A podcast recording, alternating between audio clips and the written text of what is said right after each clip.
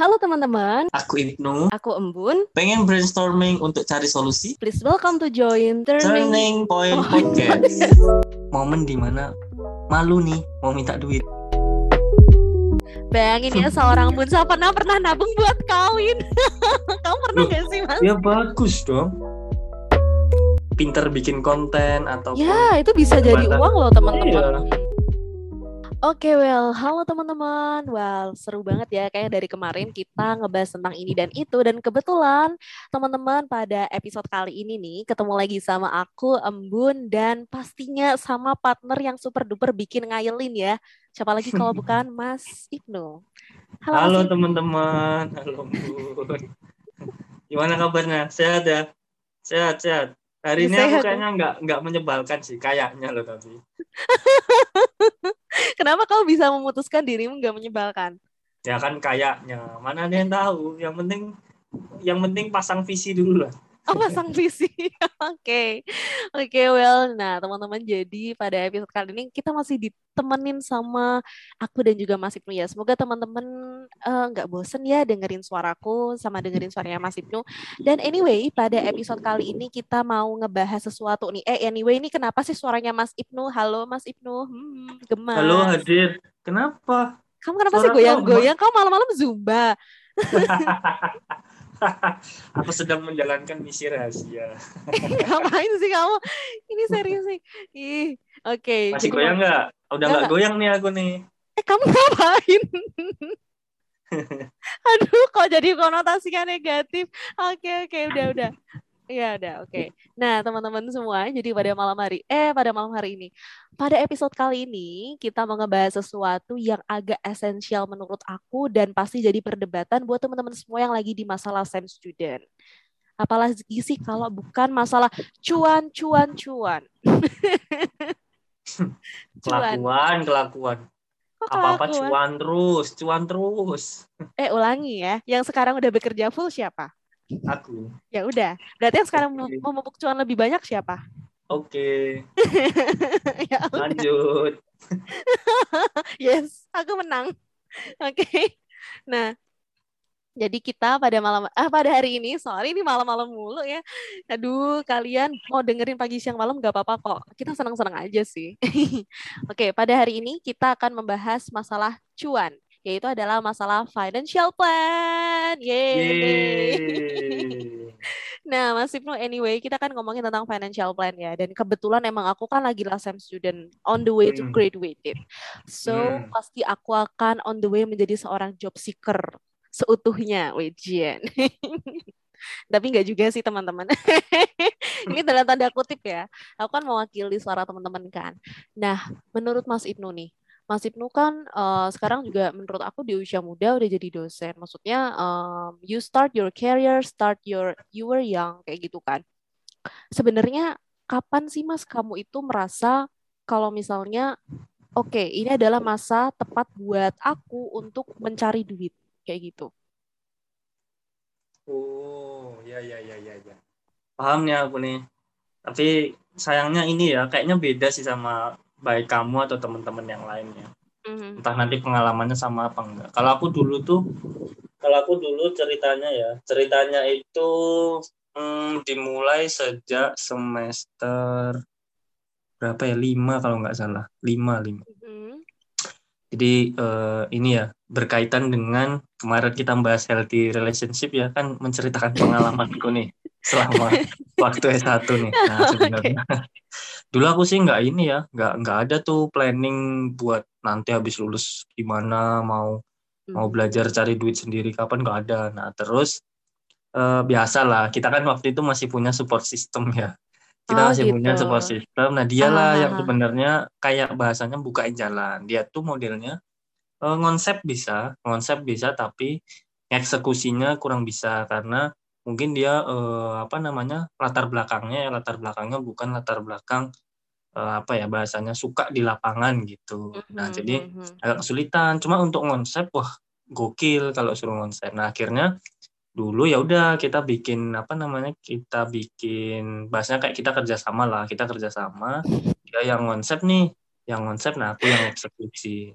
Cuma waktu itu aku sih belum kepikiran ya bahwa itu adalah bagian dari tanggung jawab buat diri sendiri tuh. Kayak uang jajan tuh harusnya nggak minta terus habis itu uh, apa namanya kuliah itu harus bayar sendiri. Dulu sih belum sampai kepikiran itu ya waktu awal-awal. Tapi Mm ada momen di mana gini kayak ini loh bun malu. Momen di mana malu nih mau minta duit gitu. Ah, aku juga ngerasain Iya. sih. nah karena tadi karena tadi bisa bisa barengan ya maksudnya bisa cari duit awal-awal itu terus habis itu dibagi kan. Biasanya kita kalau kelompokan kan cari duit dibagi tuh. Nah terus habis itu mau minta uang jajan nih udah bulanan nih. Yes. terus duh kok malu ya gitu. Jadi sampai ini sampai orang tua aku tuh nanyain gitu. Ini kan emang belum bayar SPP gitu kan kan biasa kita bayar SPP kan 6, 6 eh kita kalau kalau dulu ya aku di kampus itu per Aha. ini per tiga bulan per tiga bulan Wow, ternyata kuliah Nah. mahal. Oke, lanjut. nah terus habis itu Mau sombong nih. eh, Oke. emang sih belum waktunya bayar SPP kok nggak minta uang jajan gitu barulah aku telepon cerita gitu malu aku. Mau minta uang jajan gitu kan. Oh emang ini udah bisa cari duit sendiri gitu? Ya dikit-dikit lah. Kan waktu itu kaget bun. Melebihi uang Aha. jajanku gitu. Oh iya. Iya, jadi saking excitednya. Emang dulu bikin apa sih? Aku jadi penasaran. jadi dulu tuh join sebenarnya ngikut. Kita berdua tuh awalnya ngikut sama orang. Ini loh bun bikin percetakan kayak sertifikat MMT gitu-gitu. Nah ternyata ternyata eh, karena kita jamnya fleksibel ya karena kita jamnya Aha. fleksibel akhirnya eh, ini malah orang-orang jadi apa tertarik gitu buat jasanya kita terus-terusan gitu kita juga waktu itu eh, jasa ini karena pernah ikut organisasi jadi buka jasa event organizer jadi buat Oh, IO. Oke. Hmm, buat misalnya dosen-dosen yang mau ngadain seminar tapi kan Ih, butuh produktif panitia. sekali ya pacarannya kamu. Ya gitulah kira-kira. Nah, terus habis itu karena lebih banyak makanya agak malu. Terus habis itu eh, setelah berjalan satu tahun apa ya dua semester lah kira-kira. Mhm. Aku udah nggak minta uang itu. Nah itu aku baru kepikiran bahwa oh apa mungkin ya apa mungkin eh, mulai dari hari ini bahasanya gitu apa mulai dari hari ini aku nggak minta lagi gitu kayaknya aku butuh deh ini secara Wow. konsisten untuk ya aku nyari duit sendiri buat minimal buat aku jajan gitu Mhm. buat aku jajan nah eh, lebih lanjutnya itu mulai bisa kayak kayaknya aku butuh duit nggak cuma buat jajan nih buat mau buat beli ini buat beli itu gitu itu pas udah ini pas udah S2 gitu udah S2 kan biasa lah otak, otak otaknya lebih matang lah otaknya ngembang lah Oke. jadi visinya lebih lebih Aku luas pikir gitu. Oke. Lanjut lanjut. Nah jadi makanya kayak ngerasa wah kayaknya memang eh, apa namanya nggak bisa lagi nih aku minta duit gitu jadi alhamdulillah sih eh, titik titik di mana aku Wow. ngerasa Mhm. ya gitu kayaknya kayaknya memang ya apalagi aku sebagai laki-laki gitu kan aku harus bisa nih cari duit sendiri nggak cuma buat jajan nggak cuma buat Mhm. diri sendiri akhirnya dikit-dikit lah dikit-dikit gitu kan eh, apa ngasih ngasih uang jajan buat adikku. Kadang Oh, aku kayak ini. serius? ya dulu dulu kan adikku kaget uang apa nih? Nggak Uang sogo kan ini. ade. nggak nyuap kan ini. Enggak lah enggak. Aku halal ini halal halal. Buat kamu jajan gitu. Oh ya udah makasih. Oh iya iya. Terus habis itu kadang juga kayak ini kayak katakanlah setoran gitu ya tiap bulan. Oh, oke. eh, setor gitu ke apa ke ibuku gitu bilang uang apa ini ya anggap aja uang jajan gituin aja jadi Jadi yang dulu ngasih kamu uang jajan, justru kamu Iya. ngasih uang jajan ya? eh, jadi dikit-dikit gitu kan dikit-dikit jadi Hmm. gitu sih kalau kalau aku sih awal mulanya sih awal mulanya ngerasa kayak eh, merasa kayak bertanggung jawab dengan finansialku secara mandiri tuh Mhm. yaitu mulai mulai semester 5 itulah. Nah, dulu ya Bun, Mhm. ada cerita menarik. Dulu saking saking excitednya ya akhirnya gini. Pernah tuh ada tugas kuliah itu Ya. eh, nulis nulis ini nulis mini riset. Nah, nulis mini riset. Mhm. karena aku biasa di lapangan pada saat itu, akhirnya aku nemu topik banyak, objeknya juga banyak, gitu kan. Nah, akhirnya ada nih tugas kuliah mini riset kurang lebih dulu berapa orang ya 20 mahasiswa apa ya oh, gitu kan 20 oke, oke, mahasiswa. Oke. aku udah jadi nih aku cuma share aja sih ke grup. Aku udah jadi nih mini risetnya. Ada yang ini enggak ada yang butuh bantuan enggak aku buka nih jasa konsultasi sama Mhm. penyedia penyedia objek gitu kan. Ya udah akhirnya bukalah jasa transaksi jasa itu jasa konsultasi dan penyedia objek penelitian lumayan Jadi- loh bun. Buat bayar apa coba. Waktu itu tak tabung buat bayar wisuda. Jadi Luar biasa. Iya, buat bayar wisuda foto biasa ya foto apa foto studio gitu kan kalau habis Aha. wisuda itu. Sama ini tiketnya bapak ibuku datang dari luar pulau gitu. Seriusan? iya wow, aku so merasa ya bangga banget sih waktu itu. Merasa kayak wah emang sih gokil banget nih rasanya gitu Bun. kalau ceritaku sih gitu kamu sekarang gimana masih masih full funded atau gimana nih Kok bahasanya kayak foundation aja? Ya ampun. Wow, I'm so proud of you anyway. Wow, dari semester 5 udah berdikari di atas kaki sendiri. Aku aja semester 5 masih minta sama orang tua. Oke, kalau aku pribadi hmm, di masalah financialku ya. Aku sekarang bukan yang benar-benar berdikari di atas kakiku sendiri. Aku juga masih dikasih sangu sama orang tua Hmm. cuman yang dikasih sama orang tua aku tuh kayak sesuatu yang standard kayak gitu maksudnya yang ya apa ya kayak ya itu cuma Pokok ya, untuk- pokok. ah Pokok doang. kebutuhan dasar ah, ke pokok Mm. gitu kan cuman kan semakin aku dewasa tuh kan ya namanya perempuan kan ya kan Hmm. pingin inilah pingin itu belum di dalam dunia karir kita dituntut ini dan itu punya device dan segala macem dan aku pribadi itu ngerasa kalau aku tuh jatuhnya hmm, ini sih. Karena aku tipikal orang yang hatinya gampang tersentuh ya. Waduh. Jadi tuh aku kalau misalnya keluar gitu teman-teman ini eh, hack seorang Bun Savana. Kenapa Bun Savana tuh sering banget telat?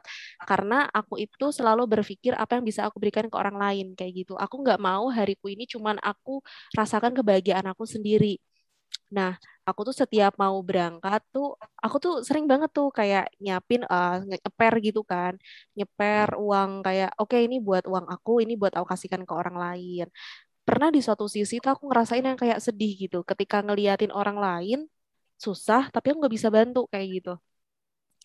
Akhirnya aku berpikir gitu kan oke aku harus sekaya mungkin supaya aku bisa bantu orang nih dan aku nggak akan ngerasakan sedihnya penderitaanku melihat orang lain itu menderita kayak gitu.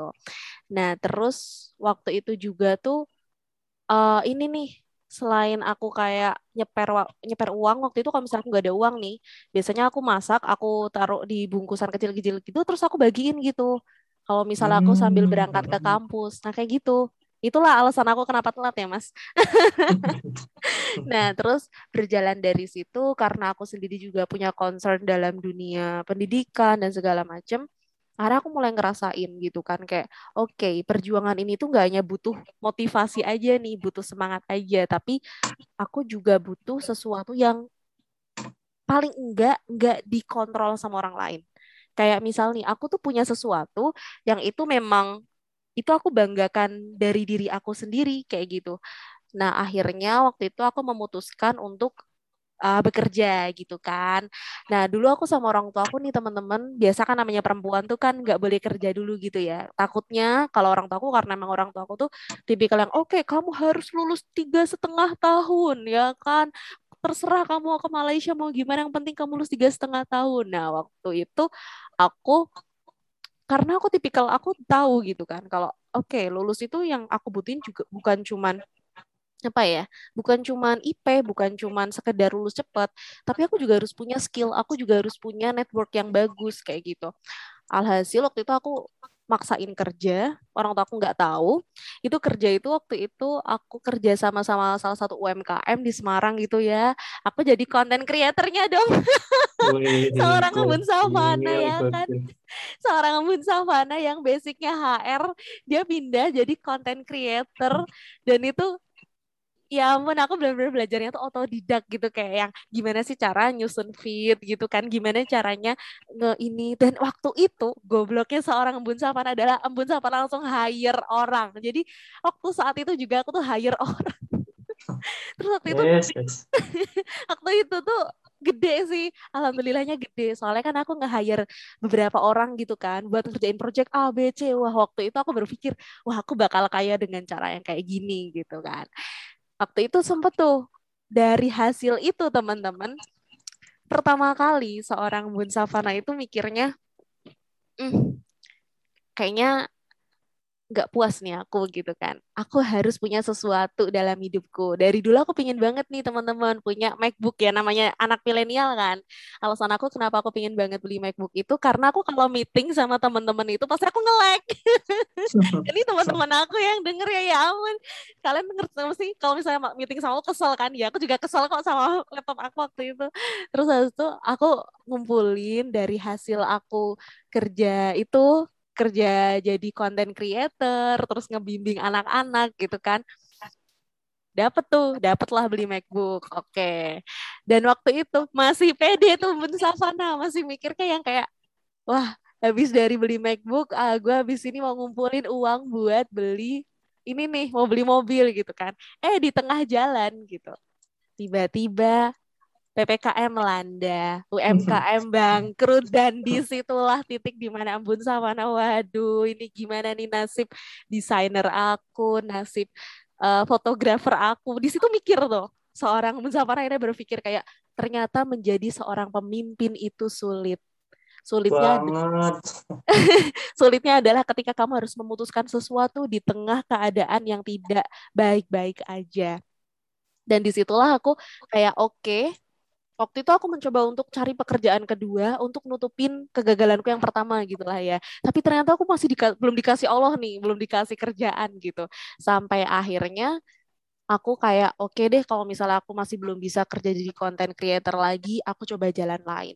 Karena emang aku basicnya bukan orang yang gampang ini ya gampang chaos gitu kan. Emang aku orangnya gampang nangis, tapi habis nangis ya udah besoknya bangkit lagi gitu. Akhirnya dengan PD-nya Bun Savana itu ngemoderatorin acara-acara gitu. Dan alhamdulillahnya sekarang aku justru kerja di dalam passion yang aku sukai, bukan di bidang content creator, tapi di bidang moderator, MC, speakers, nah kayak gitulah gitu mas. Jadi alasan aku kenapa aku pengen berdiri secara finansial karena aku nggak mau menderita karena melihat orang lain menderita. Sama yang kedua aku pingin bangga atas diri aku sendiri. Gitu. Bagus sih bagus.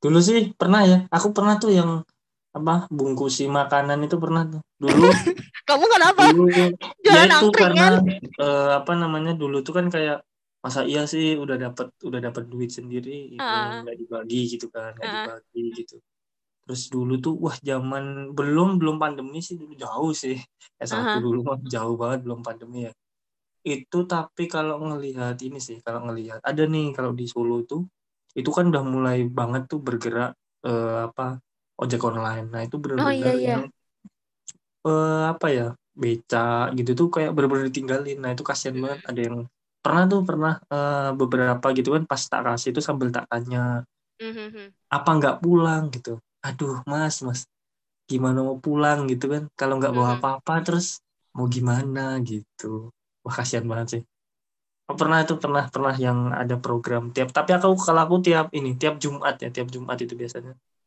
tiap eh. Jumat uh. tiap eh, Jumat tuh uh. ngadainnya Oh, anyway, dulu aku juga punya kekoplakan loh dalam hidup aku kalau misalnya masalah relationship. Bayangin ya seorang Bunsa pernah pernah nabung buat kawin. Kamu pernah loh, gak sih mas? Ya bagus dong. Loh ya bagus loh. Aduh, ya kamu pernah gak sih kayak gitu? Ya pernah tuh ya, pernah lah. Eh, serius? Iya iya tuh ya, wajar dong.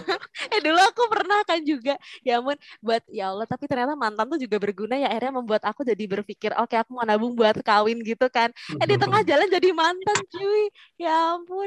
Terus ya udah sih, tapi itu emang naasnya si tabungan nikah aku di ini mas diambil temen, jadi ya udah dicuri hmm, semua. Hmm. Udah tersisa kayak cuma dua puluh ribuan kali, sedih banget nah kamu kenapa? Terus kamu gimana tuh? Hasil akhir dari yang tadi yang kamu jualan sama mantan kamu tuh? Udah ya, hilang ya, atau? hasilnya dibagi dibagi akhirnya dibagi dua lah dibagi dua. Kok jadi harta gono gini gini harta gini gini gini gini terus berarti udah udah tutup loh Kalau enggak enggak tutup sih. Yang yang kayak jasa konsultasi Hmm. dan penyedia objek itu kalau yang jasa riset aku masih malah sama teman-teman yang lain sekarang. Tapi kalau yang eh, apa namanya yang lainnya eh, ya udah enggak karena aku nggak bisa nggak bisa apa namanya nggak bisa jalanin sendiri kan itu idenya juga Oh. idenya dari dia gitu aku nggak nggak yang terlalu paham sebenarnya itu ngembanginnya gimana jadi ya aku ngembangin yang tak bisa aja gitu Tapi masalah tabungan kawin kamu akhirnya naas ya. Nggak bersama. iyalah di ini aja dibuang-buang Iya ya, kayaknya ya udahlah teman-teman. Jadi intinya adalah jangan menabung sesuatu kepada orang yang belum pasti. Cila. lu nggak apa-apa tapi niat nabungnya harusnya Oh iya niatnya ya. pokoknya niat nabungnya buat nikah gitu perkara nanti sama siapa jadinya terserah Aduh bego banget dulu ya ampun. Oke oke ini kita tadi sedikit flashback ya teman-teman. Emang terkadang tuh kita juga punya sisi kopla dalam hidup kita gitu. But I think it's okay. So aku punya next question nih mas. Nah tadi kan Hmm. kamu kan udah mulai untuk mencari uang buat diri kamu sendiri. Sebenarnya Hmm. ada nggak sih mas habit yang sering kamu lakukan yang sebenarnya itu menciptakan kesadaran bahwa oke aku harus bertanggung jawab buat diri aku sendiri. Ada sebenarnya kayak kita tuh ini loh misalnya mau jajan minimal. Pas mau jajan dulu. Kita tuh ngelihat uang di dompet itu ah aku mau jajan mumpung ada atau ah aku jajan ini aja lah lumayan ini bisa buat nanti sore atau buat besok pagi. Nah minimal dari pas kita mau jajan itu mhm. untuk menimbulkan kesadaran. Sama ini kayak misalnya gini kita tuh masih ini enggak sih? Masih yang kayak merasa nyaman-nyaman aja nggak sih ketika apa namanya ketika dikasih uang sama orang tua gitu Mhm, ketika kita masih merasa nyaman dan merasa aman itu sebenarnya kita dalam kondisi yang memprihatinkan itu itu karena Kenapa kita prihatin? iya kita nggak walaupun misalnya ya umurnya katakanlah udah 20-an nih misal apalagi kamu akhir semester Mhm. eh, akhir kuliah tuh mungkin udah 20 21 ya. Itu itu kalau masih merasa nyaman dan aman dengan minta ke orang tua atau dikasih orang tua tuh itu berarti kamu belum belum layak sebenarnya masuk kategori usia 20-an bahasanya ya. Kalau apa namanya kalau yang masih sampai ngerasa eh, minta itu adalah hal yang biasa gitu. Nah, maka dari itu tadi misal dari kita lihat isi dompet itu kita minimal eh, habitnya buat kayak mau jajan itu kita jajan yang alah nanti dikasih lagi atau kayak aduh uangku tinggal segini oke lah aku jajannya A B C D aja nggak usah banyak-banyak misalnya Hmm. gitu Jadi yang kedua mm, yang kalau eh, sorry sorry kalau bisa yang kedua itu gini Bu. mhm, setiap hari mau kamu itu sebenarnya dikasihnya bulanan mingguan atau harian mhm. eh, kita selalu ke- berkeinginan berkeinginan untuk ada sisa sebenarnya ada sisa di akhir waktu gitu. Jadi kayak misalnya Aha. harian ya di setiap hari itu kalau bisa ada sisa gitu. Jadi bi- bisa kita tabung atau bisa kita eh, sisihkan untuk keperluan yang lain gitu. Habit yang kayak gitu. Kan biasanya kita kayak Hmm. dikasih anggaran sejuta ya gimana caranya habis atau kurang kan? Atau justru diternakan ya kalau otak anda ya. iya, diputar lagi. iya harusnya gitu Nah, Oke. makanya kan minimal dua lah, Bu. Minimal dua. Kalau satu lagi, kamu aja lah yang nutup. Pak, Eh, kok? ya? Kamu menyebalkan pasti kamu Aku kayak gini dua karena karena nanti kamu mikir bunda jawab semuanya aku nggak bisa nambahin nggak bisa gitu ya mas jadi kamu gemas deh nggak aku cuma mau ngambil silver liningnya jadi kalau aku Mhm. dengar dari penjelasan kamu tuh ini sih jadi kayak em, kita tuh menaruh prioritas. Nah, ini nih fase Hmm. kedewasaan itu adalah ketika kita mampu memiliki self control yang baik dan juga menentukan prioritas terutama dalam segi keuangan ya, kayak gitu. Kalau aku hmm, tips apa ya habit yang sering aku pakai tuh jadi aku selalu punya habit investment nih. Waduh, buat teman-teman semua yang suka investasi, come on, come on, follow me.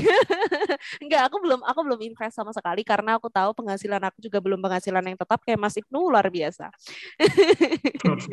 Oke, nah jadi eh, kalau aku pribadi itu uh, lebih ke kayak investment point. Jadi ketika aku membeli sesuatu, aku selalu make sure nih, sesuatu ini apakah yang aku beli itu bisa membuat aku makin produktif atau enggak. Yang pertama itu yang aku pikirin. Kenapa aku berpikir sampai situ? Karena kita di usia 20 tahun cuy, kayak gitu. Maksudnya 20 tahun itu adalah masa di mana you grow up, you you try to figuring you out, you try to build credibility of you. Jadi kamu tuh lagi di masa-masa kayak kamu pengen berkembang gitu loh. Jadi kalau misalnya kamu sendiri belum memiliki kesadaran untuk investasi ke diri kamu sendiri ya bakal susah ke depannya kayak gitu. Hmm. Nah, example nih misal orang-orang di usia aku kadang kalau misalnya kadang nanya sih sama aku kayak, "Bun mendingan beli barang A atau barang barang B?" Misalnya kayak beli gadget lah misalnya ya. Um, beli iPhone apa beli Android gitu misalnya ya. Misalnya hmm. gitu ya aku bakal bilang tergantung tu tujuanmu ke mana gitu. Kalau misalnya kamu butuh sesuatu device yang cepat, yang apa namanya to the point gitu ya, nggak kebanyakan neko-neko, ya udah kamu pilih iPhone is okay. It's boost your um, apa namanya itu akan meningkatkan productivity kamu. But ketika kamu um, apa ya kayak membutuhkan sesuatu yang bisa buat selfie-selfie ya kan? Yang uh, misal nih kamu seorang tek, uh, TikTok creator misalnya atau kamu seseorang yang um, hobi bikin vlog-vlog reels mungkin yang sekarang lagi zaman di Instagram gitu ya udah beli aja Android. Buy something that make you more productive but don't buy something that make you become apa ya kamu merasa selalu merasa haus kamu hanya membeli itu hanya untuk kepuasan kayak gitu jangan sampai kita menaruh kebahagiaan kita tuh pada suatu barang kayak gitu aku belajar itu tuh dari ibu I'm so sorry.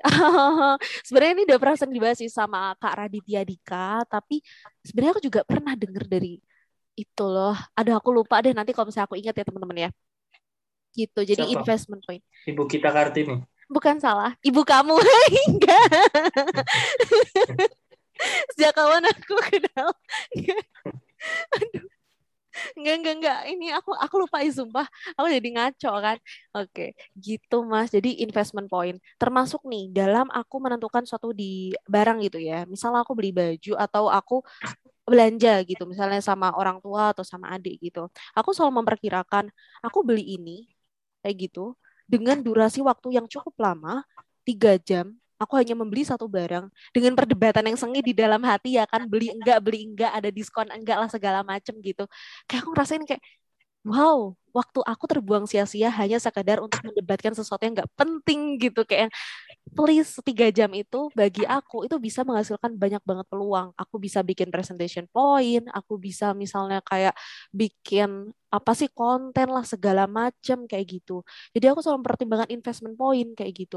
Termasuk kalau misalnya aku beli barang tuh kayak aku nggak mau beli barang sesuatu yang aku nggak suka banget atau misalnya hmm, barang itu butuh maintenance terlalu tinggi. Misal nih harus dilap lah setiap hari. Ya aku emang ngelap sih setiap hari emang tipikal orang yang suka bersih-bersih. Cuman kalau misalnya dia terlalu ringkih, terlalu yang kayak kebanyakan klenik gitu kan.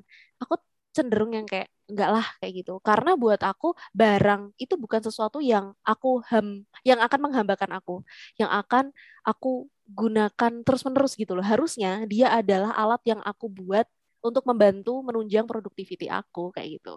Jadi ya saya inilah buat teman-teman yang masih berpikir gue punya ini buat barbar, buat kelihatan wow di sosial media, saya know deh. Wah tapi boleh tuh bun, kapan-kapan uh uh -huh. kita cerita soal ini ya kayak kita tuh kapan sih merasa kayak barang suatu barang itu kita butuhin atau cuma kita pengen gitu tuh wah kayaknya penting ah, banget Ah iya iya nih ini bisa nih jadi next point ya. Hmm. Wow, kita jadi punya bahasan nih. Kemarin uh, relationship ada satu bahasan, sekarang ada satu bahasan lagi ya. Oke, okay, ngomongin tentang financial plan nih, Mas. Nah, menurut kamu nih sebagai seseorang yang uh, sudah bekerja gitu kan, menurut kamu wajar nggak sih buat orang yang pertama kali bekerja, apalagi buat teman-teman fresh grad tuh ya, yang um, bekerja di dalam sesuatu yang tidak mereka sukai, justru dibayar tinggi, tapi bekerja di dalam passion mereka, mereka dibayar rendah. Menurut kamu, ketika kamu debating di masa itu tuh kamu bakal memilih yang mana? Hmm, ini bakal terjadi di mana-mana ya. itu tergantung sebenarnya sama tujuan kita. Kalau kita awalnya cuma punya tujuan jangka pendek yang bun, itu pasti kita nyarinya yang yang tadi yang tidak sesuai passion tapi gajinya gede atau bayarannya gede. Itu menurutku karena uh, jangka pendek ya, jangka pendek. Nah, uh, sedangkan kalau ada pilihannya sesuai passion tapi bayarnya rendah, nah ini sebenarnya nggak nggak nggak salah itu bun. Itu tuh nggak salah sebenarnya. Cuma sudut pandang kita tuh biasanya sempit. Kita tuh kan lihatnya mesti di awal gitu kan, ketika kita masih berada di zona uh, anak baru bahasanya. Zona anak baru, zona level rendah lah katakanlah. Tapi kan uh, perlu teman-teman ketahui kan di masa mendatang semakin kita mampu mengembangkan perusahaan, semakin kita maju gitu, semakin kita berinovasi, bukannya nanti kita juga levelnya akan naik ya gitu hmm. jadi eh, yang menurutku agak keliru yang menurutku agak keliru selama ini adalah sudut pandang gitu. Ketika kita ngelihat bahwa yang yang tidak sesuai passion tapi bayarnya besar yang kita lupain apa? Tingkat persaingan kan pasti. Belum lagi budaya organisasinya gitu. Kalau misalnya ternyata kita dapat bosnya yang kejam ayo yang kalau kinerjanya rendah gitu kan tidak terlalu produktif langsung disikat gimana? Gitu. Jadi kalau dari dulu alhamdulillahnya ya alhamdulillahnya itu walaupun aku e, mencoba ya mencoba berbagai macam jenis pekerjaan gitu kan baik yang sesuai mm-hmm. passion atau enggak tapi tetap akhirnya aku kembali pada e, passionku gitu.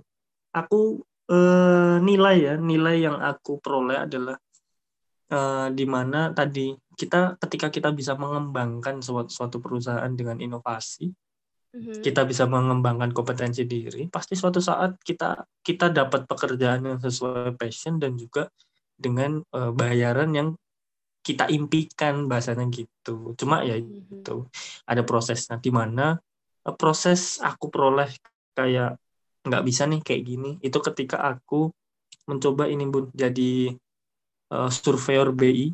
Nah, jadi okay. BI itu kayak punya program gitu, program uh, apa namanya? Namanya survei kegiatan dunia usaha, uh, uh, punya UMKM gitu.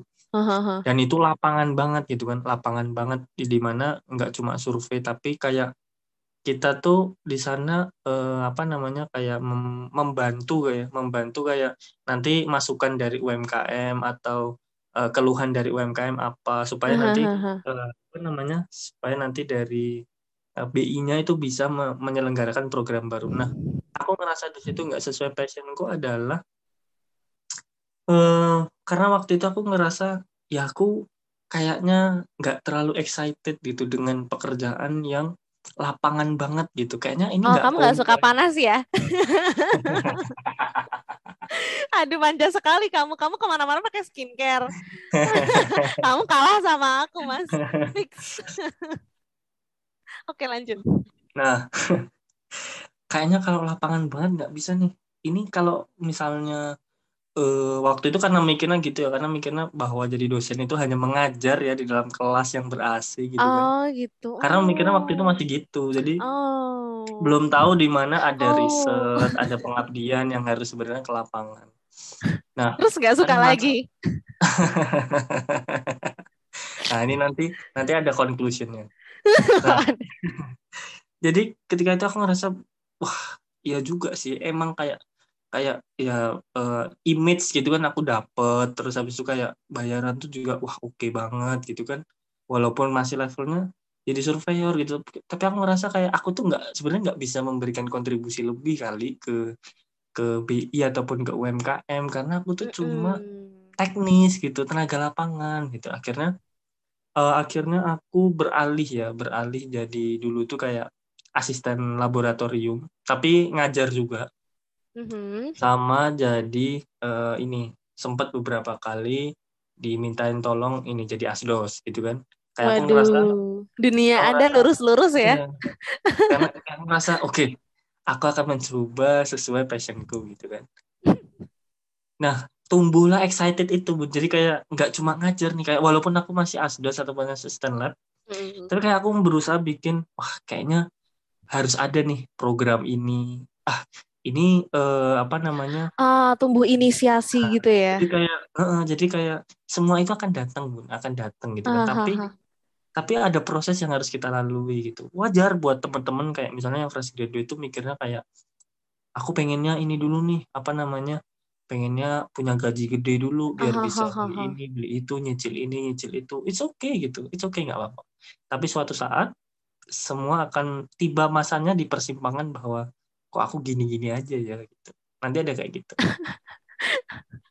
Setiap Oke, orang pasti pasti akan pengen kembali pada passionnya. Tapi tapi harus diingat bahwa kembali ke passion itu butuh proses dan teman-teman butuh keyakinan sebenarnya. Butuh keyakinan bahwa ketika bekerja sesuai passion itu yang kita jual jangan lagi kita mempertimbangkan tentang bayaran. Tapi lebih kepada nilai apa sih yang bisa dikasih?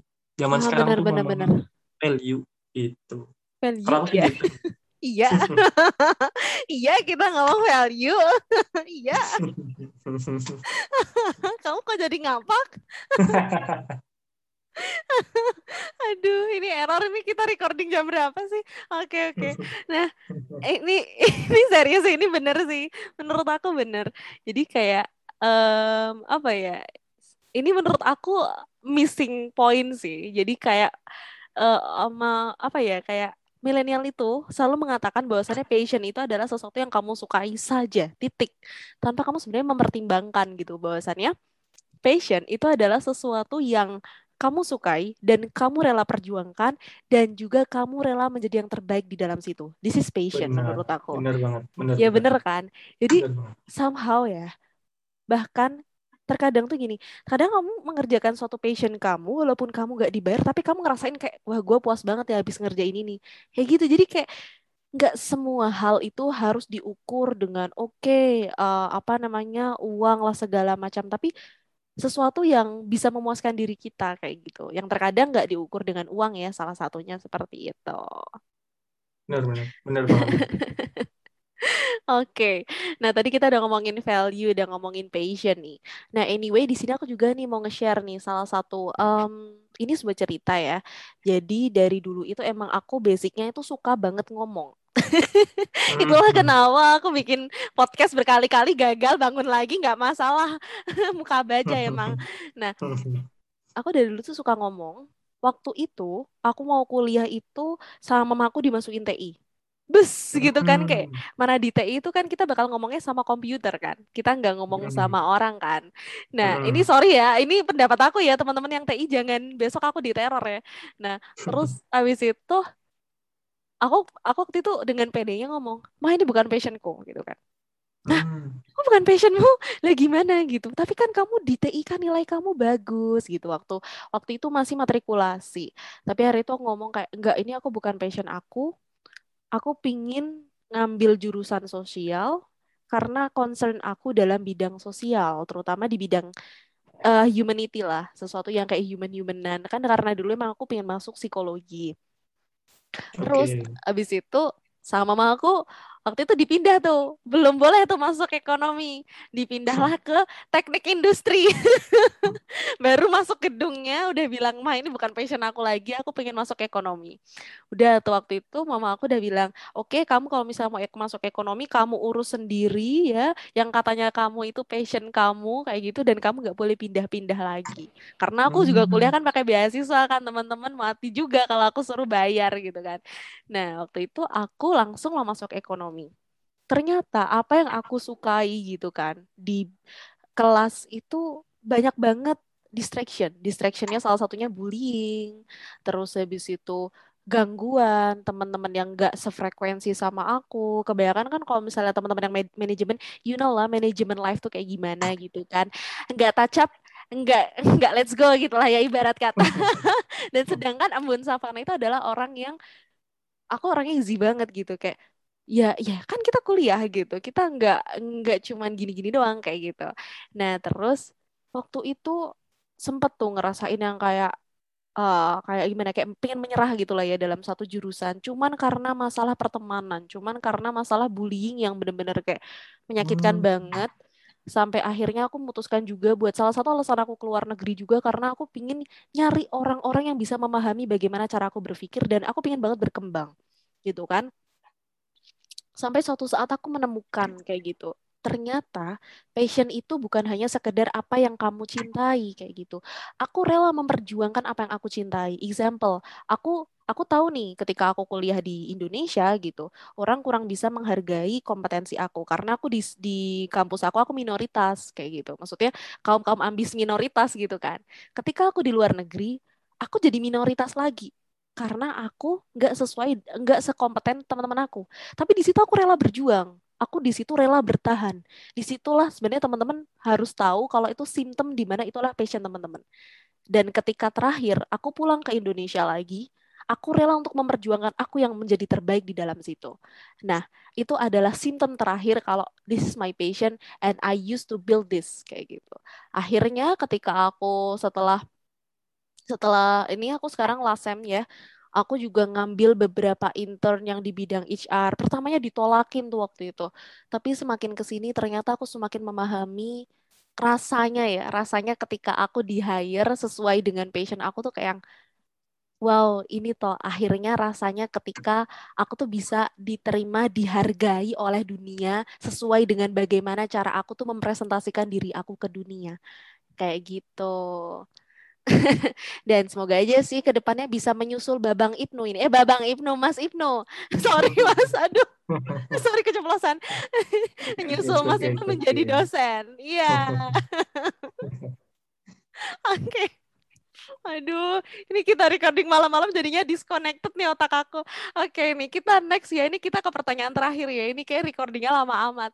Oke, Mas kira-kira tips and trick nih buat teman-teman semua yang mau kuliah, maksudnya yang uh, mereka di LSM student dan mereka tuh pingin ngeboost karir mereka kayak gitu. Kira-kira ada tips and trick gak sih gimana caranya ngeboost karir mereka supaya mereka itu bisa ketika lulus nanti diririk sama banyak HRD dan mereka bisa bekerja di dalam passionnya mereka. Oke, uh, ada beberapa tips and trick ya yang buat teman-teman nih biar bisa lebih excited ya dalam uh, -huh. masuk ke industri khususnya industri kerja ya di mana pun itu. Yang pertama adalah ketika teman-teman ingin dilirik banyak HRD itu teman-teman harus punya satu value atau nilai gitu. Apa pun kelebihan teman-teman tuh apa pun gitu, apa pun yang yang teman-teman punya itu tunjukkan. Gak usah malu gitu, gak usah gak usah yang kayak ini tuh kepake nggak ya? Semua pasti kepake tinggal bagaimana nanti teman-teman mengemasnya jadi kayak kelebihan utama gitu. Mm-hmm. Terus yang kedua, yang kedua yang harus teman-teman ketahui adalah teman-teman itu harus punya perencanaan hidup kayak kemarin kita udah bahas mm-hmm. di beberapa episode sebelumnya mm-hmm. gitu kan. Itu tuh penting loh sekarang bisa dibikin dalam bentuk esai atau mm-hmm. dijelaskan dalam CV-nya kita. Ternyata itu mendukung mendukung teman-teman supaya apa namanya supaya nilainya itu nilai yang dimiliki teman-teman kelebihannya teman-teman itu bertambah luas gitu. Tidak hanya punya kelebihan secara kompetensi tapi juga punya kelebihan secara perencanaan. Apalagi kita ngomongin kita orang manajemen nih. Nah, mm-hmm. pasti harus punya Wah. perencanaan. Kalian salah dengerin podcast nih. Kalian ketemu sama kami anak manajemen. Oke. Oke. Okay. terus yang ketiga yang ketiga adalah untuk mendukung nih teman-teman penetrasinya di dunia industri kerja lebih lebih apa ya lebih tajam lagi.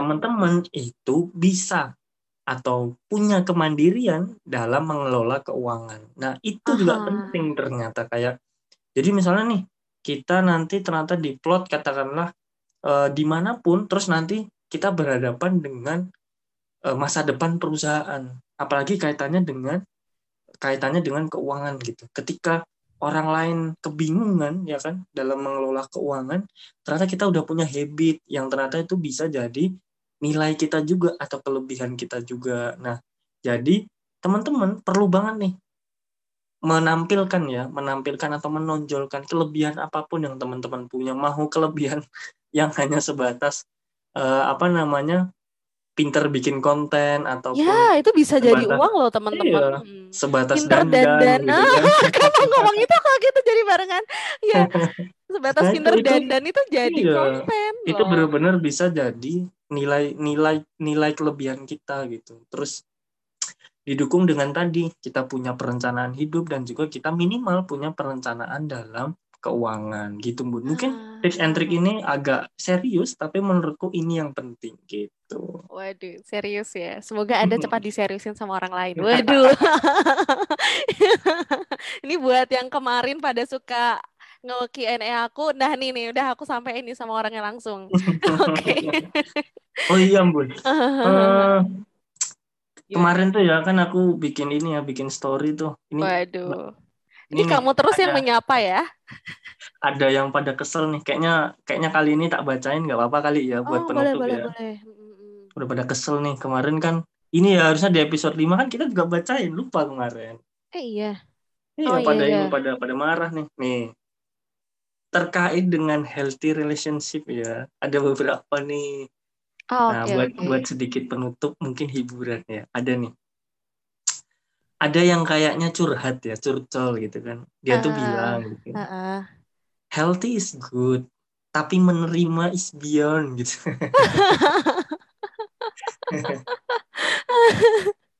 Oke, oke. Waduh, ini curhat ya. Ini kayaknya siapa tahu.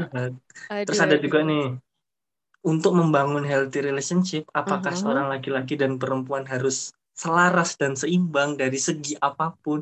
Ya nggak bisa dong, nggak Enggak sih, bisa. enggak, enggak, Selalu ada crash. Tadi Iya, kayak keras. menurut kayak dibagi gitu, ada ada yang seimbang, ada yang crash. Nggak apa-apa, yang penting visinya selaras Hmm. gitu. Kayak kemarin kita juga ngomong kan ya Mas, kalau konflik dalam suatu hubungan itu sehat ya.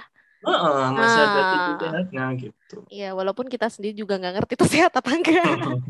Oke. Terus ada yang Lanjut. bilang saling terbuka dan komunikasi yang baik. Waduh, nah ini penting sih. Terus apalagi nih? poin yang harus di underline sih kayaknya. Kalau aku dari dulu ngejalin hubungan, poin fondasi nomor satu adalah jujur. Buat apa kamu bangun hubungan kalau kamu sendiri nggak percaya sama aku? Wejian, tuh teman-teman take note ya. Oke. Oh ini ada yang request nih, Oke. bahas yang toxic dong. Nanti aku mau jadi pembicara gitu. Siapa tuh? Siapa tuh? Waduh, kayaknya ini sih, kayaknya curcol nih. Ini akun akun fake ini kayaknya nih. Oh Dia iya. balasnya nih. Iya Oh, nih, boleh, boleh, boleh. namanya aneh nih. Nah, Oke, oke, oke, oke. Boleh banget. kayaknya dia toxic. Hubungannya toxic banget nih kayaknya. Kasihan. Iya, kan kita bisa tanya-tanya dong. Kita bisa belajar. Terus Biar ada nggak juga nih, toksik. Aha. ada juga nih terakhir nih. Eh, sk- skema healthy relationship. Duit masuk, terus pinjaman bersama, terus miliki aset bersama. Oke. Atau atau kita kita pengeluaran besar, terus Heeh, tambah cicilan, heeh, terus penuhi semua keinginan. Oke, eh, eh. Ini ceritanya bangun masa depan bang, punya pasangan apa ini ya? Ngerencanain ikut KPR ya? Makan. Aduh, aduh, aduh. I- Iya Um, sih. Kemarin kita masih general banget sih. Jadi healthy relationship-nya tuh lebih kayak ke masa lalu ya kemarin ya. Maksudnya kan kita nggak ngebahas healthy relationship dalam konteks ke depan. Maksudnya kayak yang hubungan yang serius kayak gitu. Itu kan beda konteksnya. Kalau tadi sih bagusnya kalau dibahas kalau hubungan yang serius-serius gitulah. Tips and trick misalnya ya merencanakan pernikahan. Nah, tuh kalian ngasih saran gitu cocok. Ini pertanyaannya adalah hostnya sendiri juga belum merencanakan menikah ya? Aduh, oke oke. Ada ada lagi nggak nih mas? Nggak ada sih. Kayaknya itu aja yang menarik dibaca. Oke.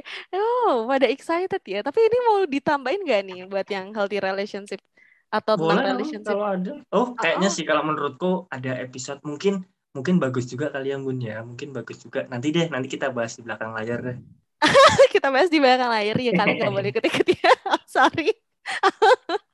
Oke, buat pamungkas nih ya, kalau buat aku tips and trick gimana sih cara teman-teman untuk nge-boost career? At first, aku juga bukan orang-orang yang totally profit oriented. Saat ini aku juga bisa dikatakan 50-70% kegiatan dalam kehidupan aku tuh non-profitable. Cuman di sini yang teman-teman perlu garis bawahi adalah ketika kalian tuh pingin grow up, kalian harus punya networking yang bagus. Nah, itu menurut aku tuh kunci utama. Networking bukan perkara orang dalam, bukan hanya tentang itu tapi gimana sih networking itu membangun perspektif kamu membangun gimana sih kamu problem solving terhadap segala sesuatu memahami peluang dalam segala macam situasi itu bakal terbangun dengan networking so menurut aku aset bagi anak milenial itu adalah networking. Nah, gimana sih cara bangunnya Kak Ambun? Kalau aku pribadi banyak banget caranya ya. Dari mulai teman-teman bisa join intern, siapa tahu dari intern itu teman-teman di hire jadi pegawai tetapnya kan uh, join volunteering, terus mungkin teman-teman di sini ikut uh, online project kayak gitu, atau mungkin teman-teman di sini punya project-project podcast kayak gini, walaupun ini nggak uh, profitable gitu ya. Eh siapa tahu jadi portofolio kamu bisa jadi kan. Terus misalnya nih uh, teman-teman di sini mau ikut misalnya jadi brand ambassador, jadi misalnya ngebantuin jadi moderator abal-abal gitu ya. Eh tahu-tahu nanti dibayar, siapa tahu kan. Terus banyak banget sebenarnya peluang ya yang menurut aku zaman sekarang milenial itu nggak hanya menjadi seseorang yang punya single skill, tapi jadi orang yang punya multiple skill kayak gitu. Kita harus bisa agile di masa seperti ini, harus bisa menjadi orang yang well prepare, jangan mematok apa ya, jangan menggantungkan nasib kamu pada hanya satu pintu, tapi kita coba dari berbagai macam peluang yang ada dalam hidup kita. Kamu milenial pikirannya jangan sampai konvensional. Oke. Okay. Oke, okay, this is last for us. Oke, okay, thank you so much buat teman-teman semua di sini yang uh, kok last for us sih? maksudnya ini sudah selesai ya teman-teman untuk podcast episode kali ini. Ini nggak last kok, nggak last. Kita tetap lanjut terus. Um, buat teman-teman semua di sini, um, Jangan lupa buat follow terus Instagramnya Turning Point Podcast, podcast di at Turning Point Podcast. Dan jangan lupa buat follow Instagramnya Mas Ibnu. Kamu di mana, Mas? Di at Ibnu. Oke, okay. and me Embun Savana di at emboen underscore Savana. And kalau misalnya kalian merasa podcast ini berguna buat kamu, jangan lupa share di seluruh sosial media kamu dan pastikan teman kamu pun mendapatkan influence influence yang positif dari kamu selalu membagikan insight-insight positif dari podcast ini. Oke, okay, see you on the next podcast guys. Bye. Bye bye. Bye.